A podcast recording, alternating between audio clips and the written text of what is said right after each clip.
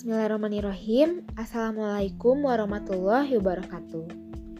Halo semua, selamat pagi, selamat siang, selamat sore, ataupun selamat malam di mana pun kalian mendengarkan ini, kapan pun kalian mendengarkan ini, semoga kita semua selalu berada dalam keadaan sehat walafiat dan selalu dalam lindungan Allah Subhanahu wa Ta'ala. Amin ya Robbal 'Alamin. Nah, sebelumnya izinkan saya untuk memperkenalkan diri terlebih dahulu ya. Perkenalkan nama saya Dewi Andriani, bisa dipanggil Dewi dengan NIM 1900208 dari kelas Pendidikan Keluarga Negaraan 2019A Fakultas Pendidikan Ilmu Pengetahuan Sosial Universitas Pendidikan Indonesia. Saya dari kelompok 3. Nah, pada kesempatan kali ini di sini saya ingin mengomentari kelompok 21 yang beranggota Ajeng Adilah dan Teddy Eza Mulyadi dengan tema mendukung praktek politik pengajaran sosial di seberang pendidikan kontinum guru dalam buku Rethinking Social Studies Teacher Education in the 21st Century. Baik, pertama-tama saya ingin mengomentari dari segi podcastnya terlebih dahulu ya. Untuk saudara Teddy mungkin sebelumnya bisa lebih dipersiapkan lagi ya agar lebih siap dan tidak grogi gitu. Karena tadi saya mendengar banyak kata uh, kayak seolah-olah belum siap gitu.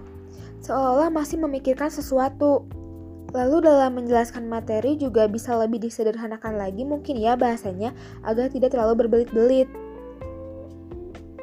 Tapi untuk isi materinya sih sudah dapat dipahami dan dimengerti dengan baik ya oleh saya pribadi sebagai pendengar.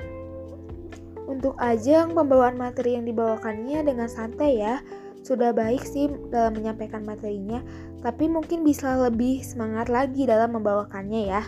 Jangan terlalu datar gitu. Lalu untuk PPT-nya sendiri sudah rapi ya dan sangat menarik, sangat berwarna. Isinya pun sudah diringkas dengan baik sehingga tidak menyulitkan pembaca dalam memahaminya.